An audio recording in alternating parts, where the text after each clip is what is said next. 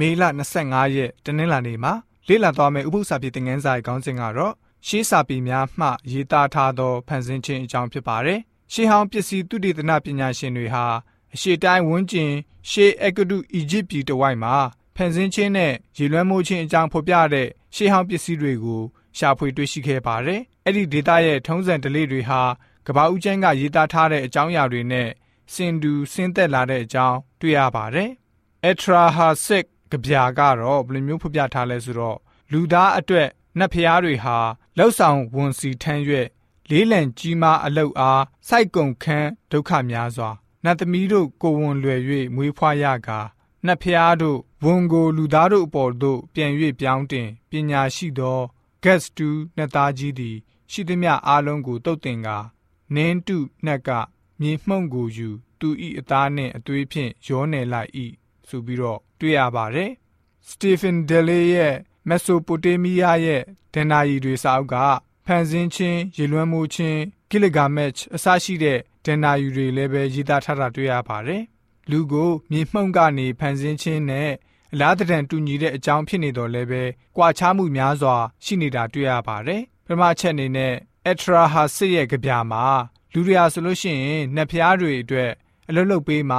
နှက်ဖျားတွေက အနားယူနိုင်တယ်။ကဘာဦးကျမ်းမှာတော့ဖျားသခင်ဟာဆိုရင်ကဘာကြီးနဲ့လူတွေအတွက်အတုံးဆောင်အလုံးစုံကိုဖန်ဆင်းပြီးမှလူသားကိုအမြင့်ဆုံးမှာထားပေးထားပါတယ်။အရာခတ်သိမ်းကိုဖန်ဆင်းပြီးမှ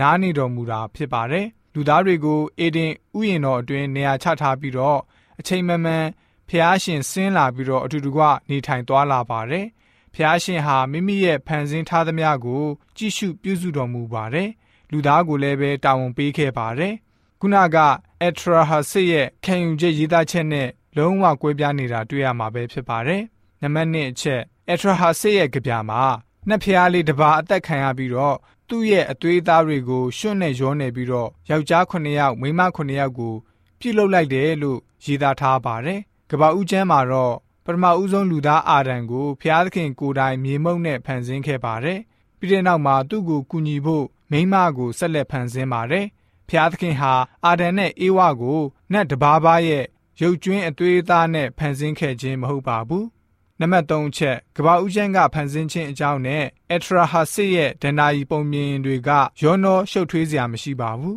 ။တမန်ကျမ်းစာရဲ့ရေးသားထားချက်ဟာဖျားသခင်ကနေလူသားကိုဖန်ဆင်းတဲ့အရာကတကိုးအလုံးစုံနဲ့ပြည့်ဝကြောင်ပြသပြီးတော့ကဘာကြီးကိုတာယာလှပစေမဲ့အကြံတော်ပဲရှိပါတယ်။အဲ့ဒီခြားနာလာတဲ့အကြောင်းအရာနှစ်ခုဟာ တမန်ကျမ်းစာလေ့လာသူပညာရှိတွေဖန်ဆင်းခြင်းအကြောင်းနဲ့ဆိုင်ပြီးတော့လုံးဝကွာဟခြားနာတဲ့အကြောင်းအတည်ပြုစေပါတယ်။အချို့သောပုဂ္ဂိုလ်တွေကအချိန်ကာလကြာညောင်းလာတဲ့အတွက်ကြောင့်ဖန်ဆင်းခြင်းနဲ့ရေလွှမ်းမိုးခြင်းရာဇဝင်တွေဟာအမှားအယွင်းအလွဲချော်တွေဖြစ်လာခဲ့တယ်လို့ခံယူကြပါတယ်။ဒါကြောင့်တချို့စင်တူတချို့ကွဲပြားသွားခြင်းဖြစ်တယ်လို့အချိန်ကာလကိုအကြောင်းပြလာပါတယ်။မောရှိဟာတန်ရှင်းသောဝိညာဉ်တော်အားဖြင့် နေရာဒေသနဲ့အကြောင်းအရာအတိအကျကိုရေးသားမှတ်တမ်းတင်နိုင်ပြီးတော့အတိအကျရေးသားနိုင်ခဲ့တယ်ဆိုပြီးတော့ရှေးစာပေတွေကရေးသားထားတဲ့ဖန်ဆင်းခြင်းအကြောင်းအရာနဲ့ပတ်သက်ပြီးတော့ယုံကြည်သူများသိစေဖို့အတွက်တနင်္လာနေ့ဥပုသ္စာပြေသင်ခန်းစာကဖော်ပြပေးထားပါတယ်။